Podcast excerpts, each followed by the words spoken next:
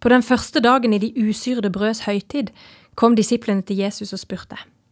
Hvor vil du vi skal gjøre i stand påskemåltid for deg? Jesus svarte, Gå inn i byen til den mannen dere vet, og si til ham, Mesteren sier, Min time er nær, hos deg vil jeg holde påskemåltid med disiplene mine. Disiplene gjorde som Jesus hadde pålagt dem, og de gjorde i stand påskemåltid. Du hører på den litterære podkasten Det store i det små. Og vi er Kjersti Sandvik, journalist og forfatter. Og Grete Fatima Sayed, litteraturviter, forfatter og oversetter. Vi har fått støtte fra Litteraturhuset i Bergen, Bergen kommune. Kulturrådet og Fritt Ord. Vi har fått en prest inn i studio. Kjersti Gautestad Norheim, velkommen til deg. Tusen takk.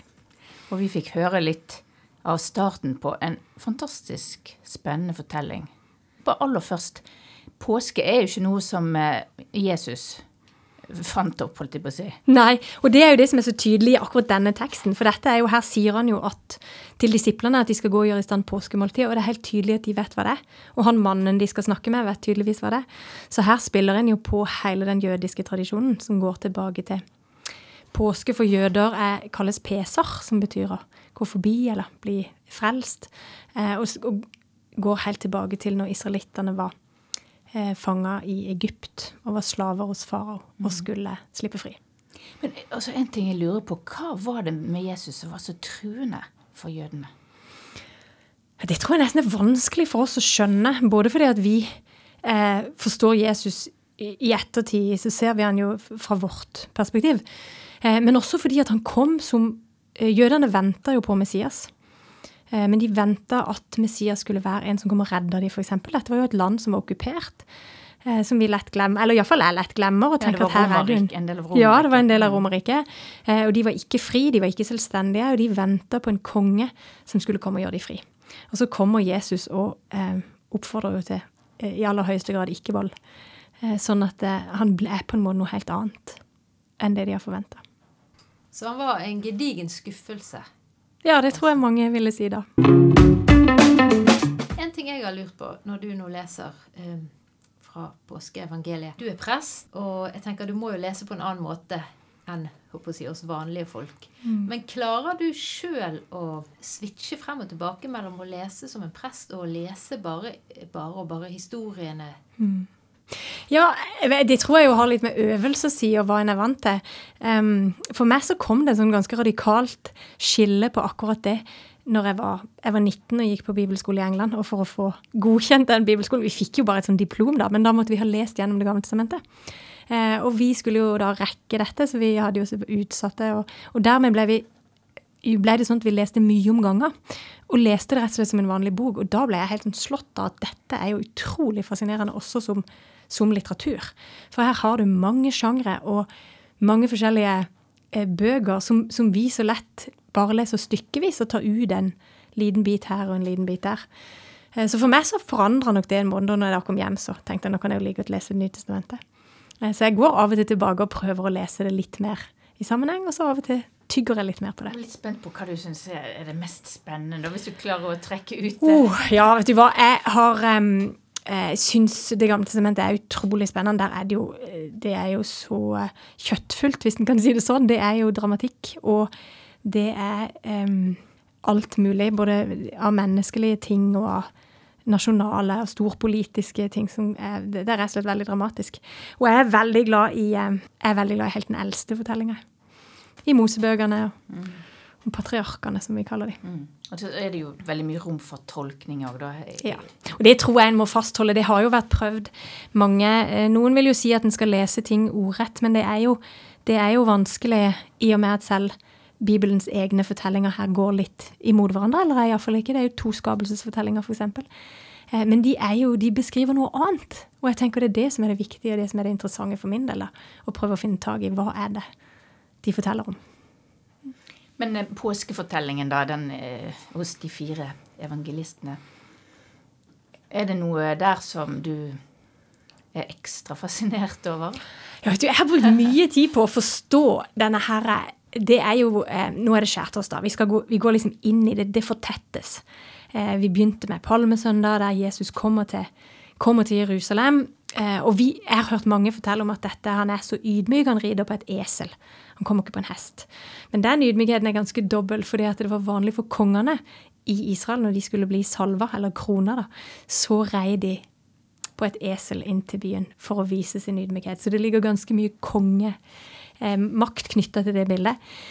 Og så kommer vi da til skjærtorsdag, eh, og det har skjedd ganske mye innimellom alle disse dagene. Eh, og så begynner alt bare å tette seg veldig til. Og det jeg tror jeg brukte mest tid på, var det som skjer fra skjærtorsdag seint om kvelden, når de da går etter påskemåltidet, altså først påskemåltidet, som var i rein sånn jødisk tradisjon.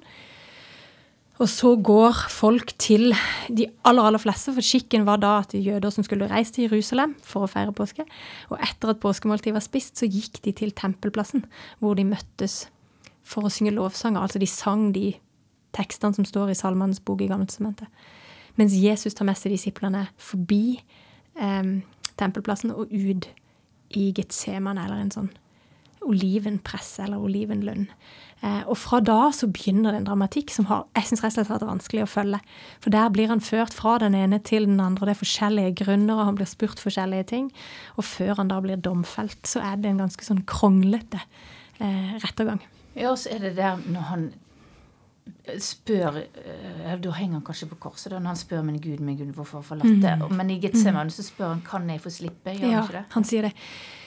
Hvis dette begeret er mulig å gå, la meg gå forbi, så, så, vær så snill, Gud, sier han da. Og så står det at han faktisk eh, er i dødsangst, og at han svetter som blod.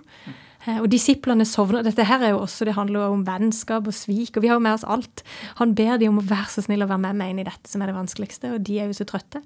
Og har spist et stort måltid, jeg skjønner de godt, det er jo de sovner eh, gjentatte ganger. Eh, og så og det er nesten sånn eventyrsøvn òg, ja. syns jeg. Sånn som det kan komme i altså sånn magisk eh, ja, det er nesten så Så kommer sånn tryllestav, så faller ja, de i søvn. Jeg er helt enig med deg. fordi det er jo vanskelig for oss å skjønne hvorfor i all verden klarer de å sovne. Når vi leser om nett, så er det jo kjempedramatisk. Men det er akkurat sånn de bare Dette kan de ikke ta en del av. Kanskje det er det det er et bilde på. Ja, at vi mennesker og, og, og, så sier du det med eselet, altså det, det, symbolene. Um, også vært litt opptatt av den hanen som skal gale tre ganger. Jeg skjønner jo at det er en fin måte å markere tiden på, men er det noe sånn symbol Er hanen et slags eh, Altså, hva står den for? Og dette med å, å være 13 til bords og være mm. Disse her eh, magiske inventaret, liksom. Mm. Ja, det, det, er kjempeinteressant. Akkurat det med hanen, det vet faktisk ikke jeg. Eh, det har jo vært brukt som en sånn markering av at morgenen kommer, og at noe nytt, at natta er over. Um, men akkurat dette 13 til bords er jo et uttrykk som vi bruker. sånn 13 til bords skal det egentlig ikke være. Og det er jo det som skjer den kvelden, eh, når de setter seg for å spise. Og da står det at Judas allerede har vært eh, og, og, inngått en avtale om at han skal forråde Jesus. Eh, så det er jo på en måte den 13. til bords. Det er det, det de tolv ja, det er tolv disipler og Jesus. Ja, men de løspengene. Ja, 30 sølvpenger. Han, det var det, ja. ja. Han på en måte selger. Og vi, og vi, snakker jo om blodpenger, og vi snakker jo ofte om 30 sølvpenger som en sånn, på en måte en sånn det, det er jo skylda som er knytta til det, da. Og vi snakker om Judas kyss. Og vi snakker om Judas kysset. Absolutt. Og dette er jo uttrykk som, som, har vært brukt og blitt tatt inn i vårt språk, som helt vanlige folk vil skjønne hva det er snakk om. Men det er ikke sikkert alle kobler det til denne fortellinga. For de bærer jo i seg ganske sterke konnotasjoner til svik, til eh, det å eh, svikte så grundig. Altså det Judas gjør, er jo at han angir Jesus. Yes. Men har ikke det at han, Pilatus vasker hendene sine Er ikke det jo sett på litt som altså, å, å, å, renvaske seg sjøl, på en måte? Jo, og, men Pilatus tror jeg kanskje er en av de mest fascinerende personene i hele fortellinga, syns jeg. Fordi at han er da romersk offiser, eller leder, sant? og jeg, jeg, har det øverste militære ansvaret. De, landet er da okkupert, og han sitter i, i Jerusalem. Og så står fortellinga går jo sånn at kona har hatt en drøm den natta og sier at du må ikke ha noe med han Jesus fra Nasaret å gjøre. Eh, og ikke så lenge etter så blir det Jesus ført for Dette er jo langfredag. Jesus blir ført for Pilatus. Eh, og grunnen til at han blir ført for Pilatus, er jo at det er Pilatus som har muligheten eller makt eller fullmakt til å dømme han. Um, det, han var allerede dømt etter jødisk rett for Synedrie, eller de 70 um, pluss én øverste presten var samla på natta, står det, for å forsøke å dømme domfelle. Og det er jo der Jesus er tatt, når Peter følger etter og svikter. Eh, og så blir han ført til Pilatus fordi de ønsker en ordentlig domfellelse. Og Pilatus eh, har jo da både blitt advart av sin kone, men, men, finner heller ikke noe. Jesus svarer jo ikke. Han sier hva er, du, er du Guds sønn? Det er det du er anklagd for, og hva er dette? Hvem er du egentlig? Er du Guds sønn? Og så sier han du har selv sagt det, svarer bare Jesus, som er litt sånn kryptisk. Um, og, og, Pilatus Det framstår nesten som om Pilatus ikke helt vet hva han skal gjøre, fordi at han blir pressa fra disse jødiske lederne som jo også spilte en stor rolle, ikke minst for folket. Og så finner han jo ut av, det er liksom lettelsen, det er nesten så han kan føle lettelsen til Pilatus når han skjønner at Jesus er jo ikke fra Jerusalem, han er jo fra Galilea. Han er jo fra Nasaret. Så da kan han jo slippe. Så han sender han videre til Herodes Antipas, som var den som var øverstleder i det området. Eh, men det, Herodes Antipas sender han jo bare tilbake. For han sier jeg finner jo ikke noe skyld, jeg vet ikke hva du skal med dette, hvorfor sender du han til meg? Jeg kan ikke dømme han. Og så blir Pilatus sittende med problemet. Så Jesus er jo to ganger hos Pilatus. Og den siste gangen så er det altså også som om Pilatus finner en utvei, fordi han, kom, han tar tak i en jødisk skikk der én fange kunne slippes fri i påska. Eh, og så, han, så stiller han Jesus opp som han da sjøl ikke ser noe skyld hos, og så setter han han sammen med Barabas, som var en oppvigler. Noen forteller at i noen skrifter så står det at han har drept en mann. Eh, så han var jo tydeligvis da en mer bråkmager. Og jeg vil tro at Pilatus gjør det for å gjøre valget enkelt. Og så sier de da eh, vi vil ha Barabas fri. Og så spør han hva skal dere gjøre med Jesus, og så roper folkemengden 'korsfest ham'. Og da er det Pilatus vasker hendene sine som en sånn 'Dette er ikke min skyld, dette har jeg prøvd'. Dette vil ikke jeg ha ansvar for'. Mm. Fordi jødene kunne ikke korsestene, det var det romerne som måtte gjøre? Det var romerne som måtte ha den endelige domfellelsen, ja. Mm. Så på en måte så virker det jo nesten som en sånn, eh, hvis du tenker det som plott, at det er så mange rare løse tråder at på en måte kan du nesten si at eh, det er nødløsninger som gjør at eh, det kommer Det skjer det som skjer. Men samtidig må jo det selvfølgelig skje det som skjer, for det er jo spådd.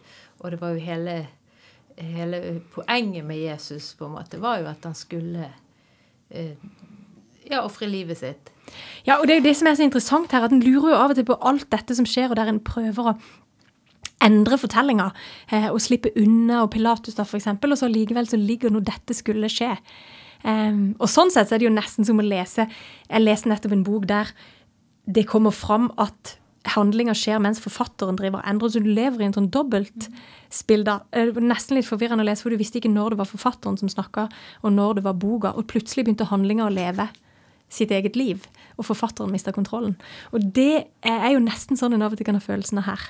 At uh, her er det mange, mange, mange ting som skjer som egentlig kunne tatt helt andre retninger. Men det ja, skulle bli sånn. Hvis du tenker Gud som en slags forfatter, da, eller Gud som styrer dette plottet og disse mm. dukkene eller marionettefigurene som går rundt omkring, så er det jo altså, det er jo den, den, samme dobbeltheten. Du kan ikke helt vite hva som skjer med Gud. Hva er det Gud har, har forfattet her av replikker, mm. og hva er det som skjer utenfor, som Gud på en måte må respondere på for at fortellingen Det er jo en litterær fortelling, sant? Det, det er mm. jo, du du har fått vite at det skal skje sånn, så det må ende, det må ende i den.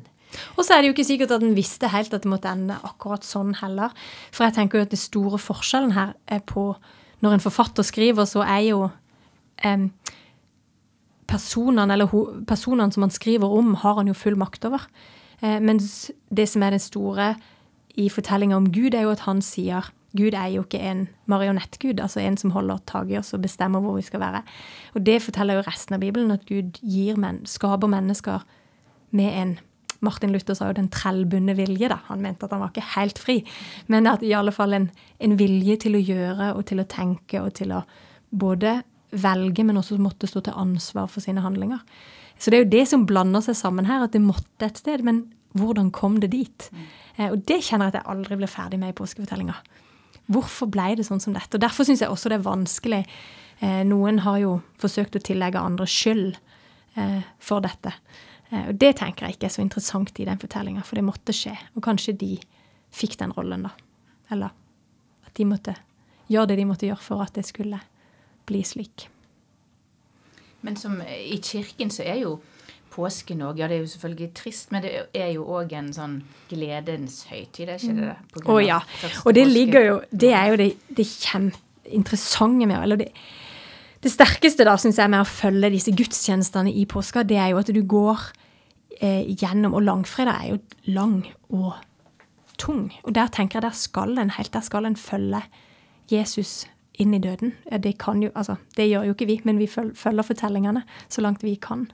Eh, og det sterkeste øyeblikket, syns jeg, i den eh, langfredagsliturgien som er i Norsk kirke, så um, leser en hele langfredag. Så en leser og leser og leser.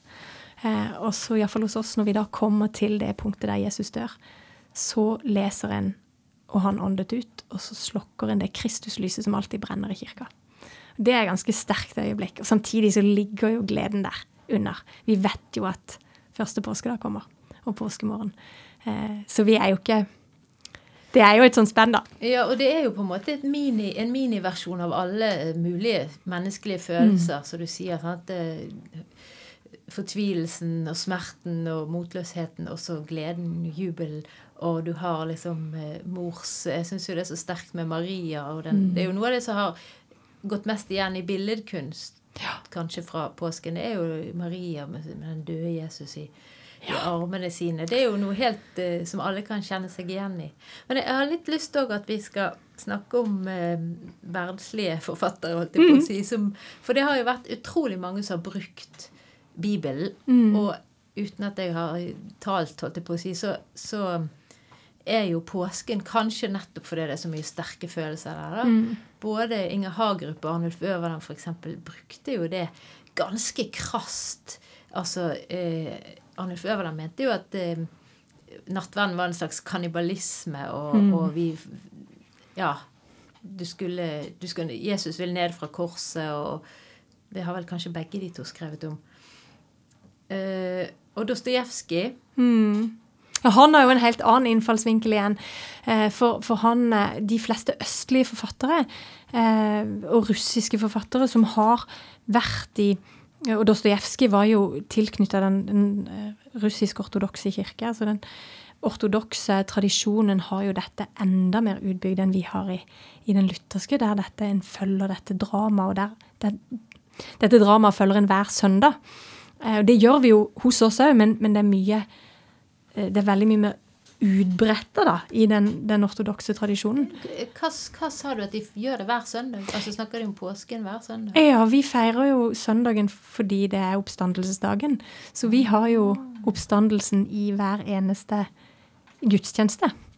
Eh, Og dermed så har en jo dette leveren på hele, på hele året. Og det er jo enda, enda tydeligere i den østlige liturgien. da. Sånn at jeg tenker jo at det, det som er interessant å se hos forfattere, er at noen bruker de helt Vi var jo inne på noen helt sånn konkrete uttrykk her, som å toe sine hender, eller blodpenger og Judas sitt kyss. Dette disse bildene og disse uttrykkene kan jo folk bruke. Det er det ene. Men det andre er jo det du er inne på med altså disse store eh, tingene som løftes opp i påskefortellinga, nemlig dette med skyld, dette med soning. Går det an at noen Altså stedfortredende soning, kan noen andre bære skylden?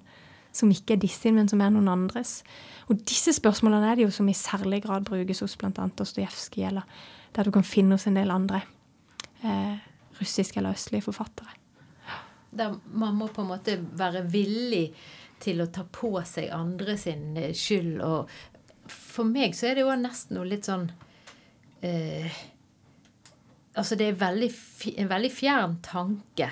Det er nesten litt sånn at jeg tenker det er en psykiatrisk diagnose å å tenke at du skal kunne lide for noen andre. Men, men det å bli fri, altså å bli forløst eller frelst fra, fra den eh, skyld og skam, da, det er jo mer, det syns jeg er lettere å kjenne seg igjen i. Og det er jo heldigvis det vi kan, for den, det å, å bære det for noen andre, var det, jo, det slapp vi jo. Og det kunne vi jo ikke. Um, så det er jo gjort, og det er jo det som er, som er påskens store fortelling. At vi rett og slett kan eh, At det er gjort opp for oss. Og at den, det varer enda. Altså at det var en, den hendelsen går utenfor tid og rom. Sånn at det den gang gjorde Jesus opp alt vårt Um, en gang for alle. Og at det er derfor når en da feirer gudstjeneste søndag etter søndag, så er det det en lever på, og minner seg sjøl om at det, det, er gjort, og det er for nå. Og når en deler ut nattverd, som jo er rett inn i, inn i påskefortellinga, så er det jo gitt for deg. For å si at det gjelder nå og her. Og påske, Dette påskemåltidet og skjærtorsdag er jo, det, det, strekker seg jo, som vi begynte med, altså langt, langt tilbake til, til um, jødenes påskemåltid når de Moses hadde gått til far, og Gud hadde sagt til Moses at du kan føre folket mitt ut herfra. Her er det fanger, jeg har hørt deres rop. Eh, og så skulle han gå til farao, og så ville ikke farao slippe. Til slutt så får han alle disse landeplagene som kommer, og så eh, kommer den siste, som jo er kjempedramatisk, med at det minste, de små guttebarna, minste guttebarn i familien skal dø. Um, og så sier uh, Gud til Moses at dere skal slakte et lam, uh, male blodet på dørstokken utenfor eller over døra, og da skal dødsengelen se og gå forbi. Eh, og så blir de sluppet fri og får med seg dette lammet som de skal da spise, og usyra brød, for de hadde ikke tid til å vente på at det skulle heve. Så de hadde med seg usyra brød. Og det er jo utgangspunktet for påskemåltidet. Så for jødene så er det usyra brød, og så fram til påske. Jesus får, Når han sier 'tørst', eller noe sånt, når han henger på korset, så får han en, sendt opp til seg noe vineddik eller noe sånt. Galle blanda med eddik, står det, ja. Okay. Som visstnok var en bedøvelsesdrikk. Okay. Ja. Eh, og så sier han nei takk. Eller han på en måte tar det ikke. For når han roper. Og når du sa jo i stad at når Jesus roper, så sier han blant annet 'Min Gud, min Gud, hvorfor har du forlatt meg?' Og da siterer han direkte Salme 22, som for han da sikkert har levd i han. For dette er jo ord som um, mange av de bibelske ordene, både i salmene og, andre ord, er jo fordi en har sagt så mange ganger, så blir de en del av de. Og det har jo kristendommen tatt med seg en del av den jødiske tradisjonen, som jeg syns er helt fantastisk til å lære gjennom å fortelle og resitere. Og, og, få det inn i på en måte i kroppen, fordi en har hørt det så mange ganger. Og fordi en har gjort det så mange ganger. Men du nevnte i sted før vi begynte her, så nevnte du noe helt uh, annet, nemlig Harry Potter og fantasy. Mm. Ja, det, ja det, for det er en annen side de, det, som jeg syns er veldig interessant eh, når jeg er unger som er, er utrolig glad i Harry Potter-fortellingene. Eh, og i dette universet så ligger det jo enormt mange eh, snakk om å gi sitt liv for eller ofre for. og um, og også i Hunger Games, som jo var veldig stort for noen år siden. Som var en sånn fantasy-serie som jo egentlig var helt dramatisk. Um, men der en bruker hele dette med å ofre seg for noen andre. Så stedfortredende soning. Og der det egentlig påskefortellinga er vevd inn i hele fortellinga. Uh, og det kan en jo finne spor av. Så jeg vet, jeg har en kollega som hver påske har Harry Potter-maraton i kirka. Som mm. leser hele alle De ser alle filmene, da. Og så har de verksted og lager disse Ja, for det satt jeg tenkte på det. Det kan jo være utfordrende å ha for, er det utfordrende for folk til å komme og, og, i kirken? Altså På julaften så strømmer vi jo til kirken, mm. men i påsken kommer vi da? Ja, det er, det er, ganske mange som kommer da, ja. Eh, og så er det klart at det er ikke som eh, det er ikke som på julaften, det er helt sant. Men, men påska innbyr jo også til en annen type um, Det er en annen type alvor over det. Uh, men, uh, men, i Birkeland så er det godt besøkt også i påska, ja. Ja, for det er jo den historien Det er jo litt utfordrende å, å fortelle den på en fengende mm. måte mm. igjen og igjen, tenker jeg. Men kanskje, kanskje trenger folk den type historier akkurat nå. Har du tenkt litt over det? i år? Ja, ja det er interessant, for det er jo det meste med I år er det jo det vanskelige at veldig mange steder i landet så kan jo nettopp folk ikke møtes. Eh, og vi møtes med veldig strenge begrensninger. Men jeg tenker jo at det, denne alvoren som har gått gjennom dette året, der jeg tror at vi har fått en berøring med vår egen sårbarhet, de aller, aller fleste på har kjent at det, her er det et virus, og så blir vi så sårbare er vi. Eh, og da tenker jeg at her påskefortellinga forteller noe om eh, vår sårbarhet, men også om det håpet som er gitt. Da. Og Det er jo hele påskefortellinga, nettopp at det fins noe som er større. Det er en som har overvunnet alt dette. Om det er virus eller til og med døden, så eh, kommer han med håp til oss. Og det er jo den fantastiske fortellinga første påske, da. Og så har vi andre påskedag. Og så har vi andre påskedag.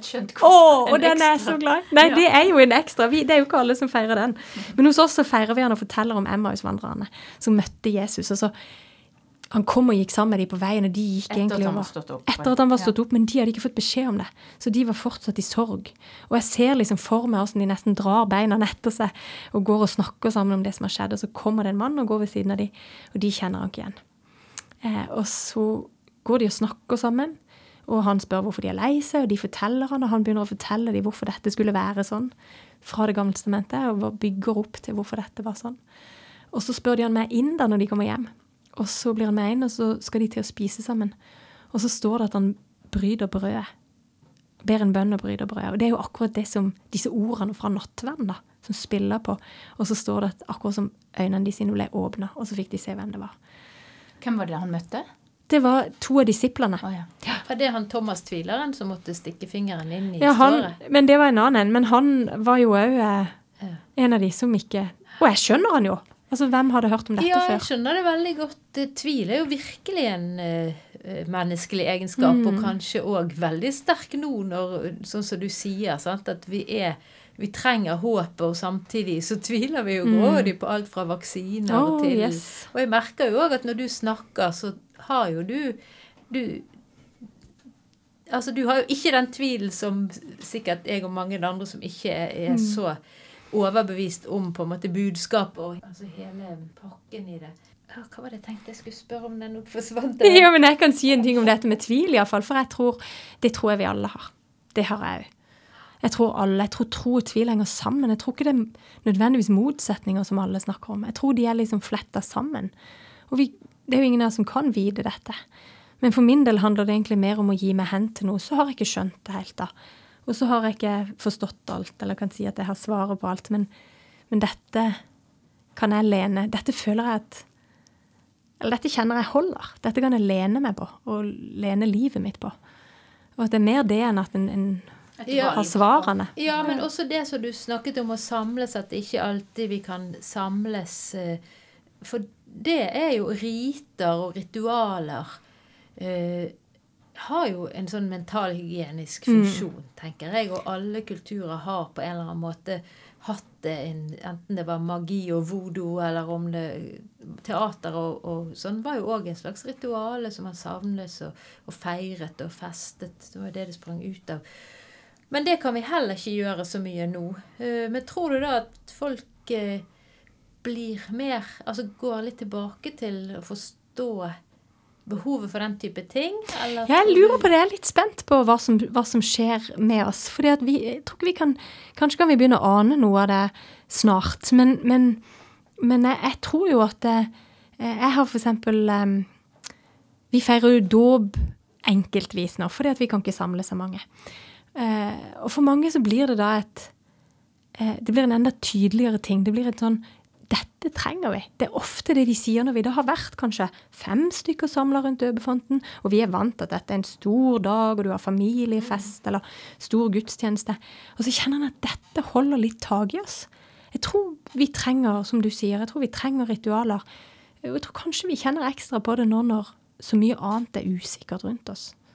At vi trenger dette, både fellesskapet og Ja, og kanskje det at det Nå er vi jo litt på vei vekk fra det litterære, men at vi er renset litt vekk fra alt, all støyen og all forurensningen. Altså, Jeg kommer akkurat på at meg og deg, Kjersti, vi så jo en begravelse i fjor på Det var jo første oi, med en gang på, på Zoom, og, og det var jo veldig rart. Og nå var jeg i begravelse for noen uker siden òg, og når jeg setter de to opp mot hverandre for det året som har gått, så var jeg faktisk veldig mottakelig for å høre rett og slett presten sin både preken og det han leste. Det var akkurat som det var, selv om det var en fjern person for meg som var død, så, så var det akkurat som det gikk mer inn. Så kanskje det kan komme noe Ja. godt ut av dette, denne prøvelsen, da. Ja, vi kan jo Det kan vi jo iallfall håpe på. Ja.